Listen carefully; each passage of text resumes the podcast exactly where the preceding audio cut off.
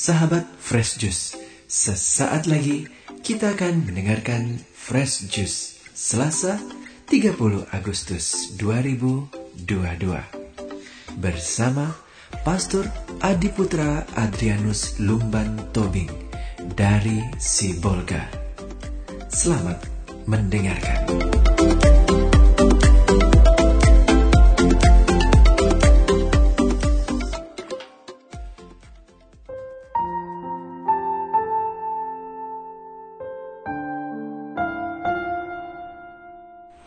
Halo sahabat-sahabat Fresh yang terkasih, salam Fresh. Hari ini Selasa 30 Agustus 2022 bersama dengan saya Romo Adrian Tobing dari Keuskupan Sibolga. Bacaan hari ini diambil dari Injil Lukas bab 4 ayat 31 sampai 37. Sekali peristiwa Yesus pergi ke Kapernaum, sebuah kota di Galilea, lalu mengajar di situ pada hari-hari Sabat. Mereka takjub mendengarkan pengajarannya, sebab perkataannya penuh kuasa. Di dalam rumah ibadat itu ada seorang yang kerasukan setan, dan ia berteriak dengan suara keras, Hai engkau Yesus orang Nazaret, apa urusanmu dengan kami? Engkau datang hendak membinasakan kami. Aku tahu siapa engkau yang kudus dari Allah. Tetapi Yesus menghardiknya katanya, diam keluarlah daripadanya. Dan setan itu pun menghempaskan orang itu ke tengah-tengah orang banyak, lalu keluarlah daripadanya, dan sama sekali tidak menyakitinya. Dan semua orang takjub, lalu berkata seorang kepada yang lain katanya, Alangkah hebatnya perkataan ini, sebab dengan penuh wibawa dan kuasa, ia memberi perintah kepada roh-roh jahat, dan mereka pun keluar dan tersebarlah berita tentang dia ke mana-mana di daerah itu. Demikianlah sabda Tuhan. Saudara-saudara yang terkasih, bacaan hari ini semakin meneguhkan kita akan iman dalam kesetiaan. Sabda Tuhan hari ini berbicara tentang Yesus mengajar di rumah ibadat di Kapernaum.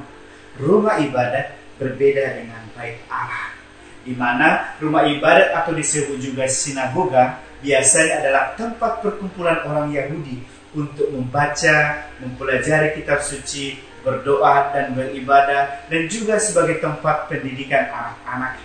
Ketika Yesus mengajar di rumah ibadat di Kapernaum, mereka yang ada di sana kagum akan cara dan pengajarannya yang berwibawa. Mengapa dikatakan berwibawa?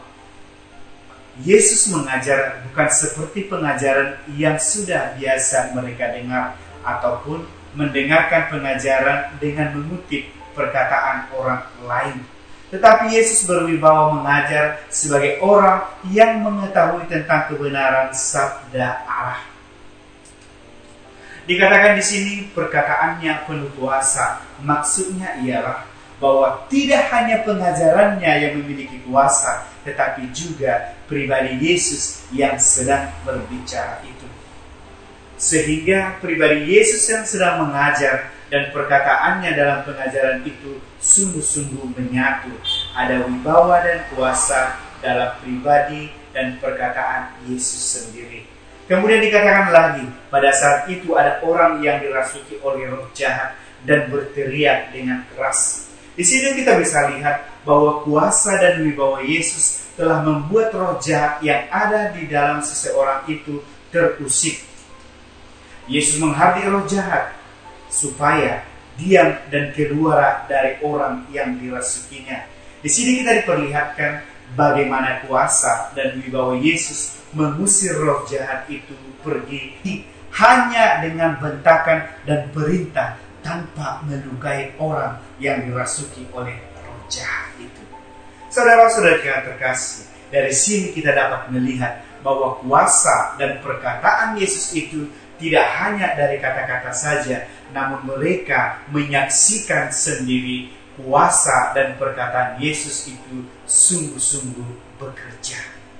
Kuasa sabda Tuhan hidup dalam kata dan perbuatan di mana pengalaman iman kita mempercayai bahwa Yesus bukanlah hanya melalui kata-kata, tetapi kita juga harus memperlihatkannya melalui kasih dan perbuatan bagi sesama. Kita harus semakin setia dan meneladani Yesus sebagai pribadi kehidupan kita sehari-hari.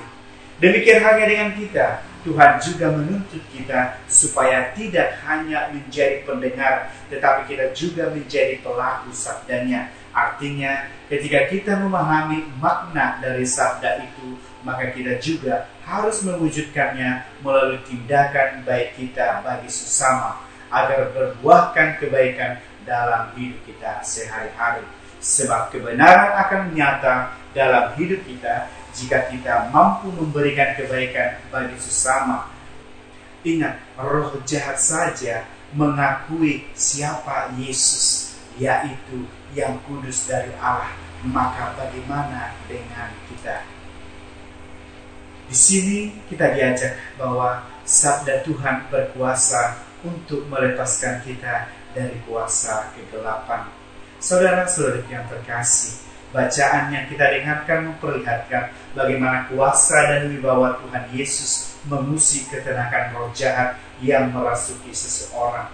Ingat, roh jahat itu tidak bisa tenang untuk tinggal lebih lama lagi karena kehadiran Yesus bersama dengan mereka.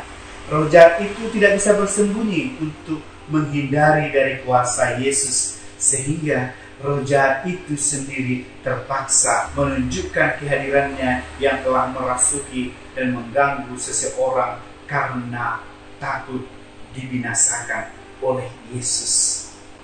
Bagaimana dengan kita? Sudah sampai di mana kita membuka hati akan kehadiran Yesus dalam hidup kita? Seperti dalam sabda hari ini, Yesus memiliki kuasa yang besar untuk memperbaharui kehidupan kita pada kebaikan Tuhan berkuasa untuk mengusir dan menjaga hidup kita dari kuasa roh jahat yang merusak hidup kita sendiri.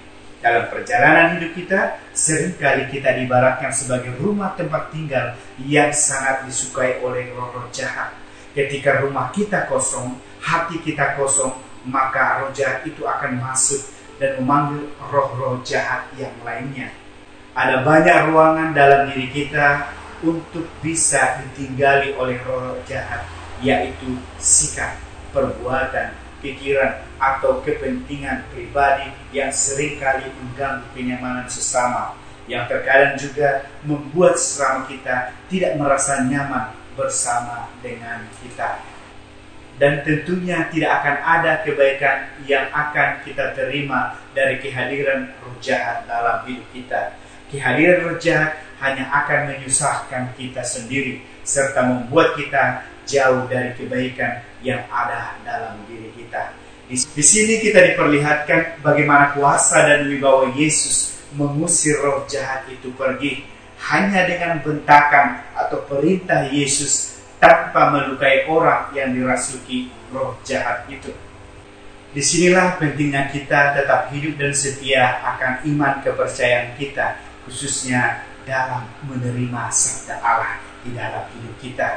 Kita tetap hidup dalam pengembangan rohani, yaitu melalui membaca kitab suci, merenungkan sabda Allah.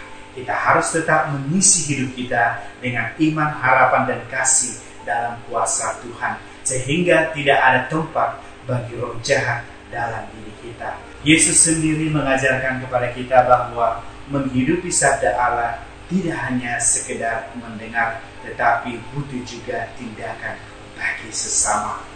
Agar sabda itu dapat tinggal dan bertumbuh dengan baik dalam hidup kita, maka marilah kita harus ada kesungguhan dalam diri kita untuk mau memahami dan menghidupinya. Sehingga kita harus memohon pertolongan dan hikmat dari Tuhan agar kita dapat setia dalam membangun iman kita.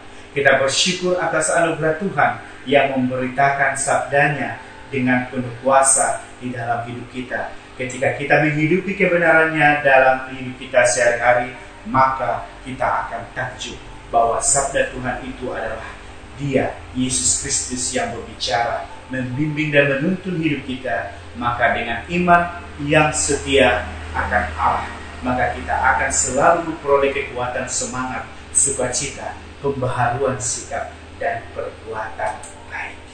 Tuhan memberkati. Sahabat Fresh Juice, kita baru saja mendengarkan Fresh Juice Selasa, 30 Agustus 2022. Saya Yofi Setiawan beserta segenap tim Fresh Juice mengucapkan terima kasih kepada Pastor Adrianus Tobing untuk renungannya pada hari ini. Sampai berjumpa kembali dalam Fresh Juice edisi selanjutnya.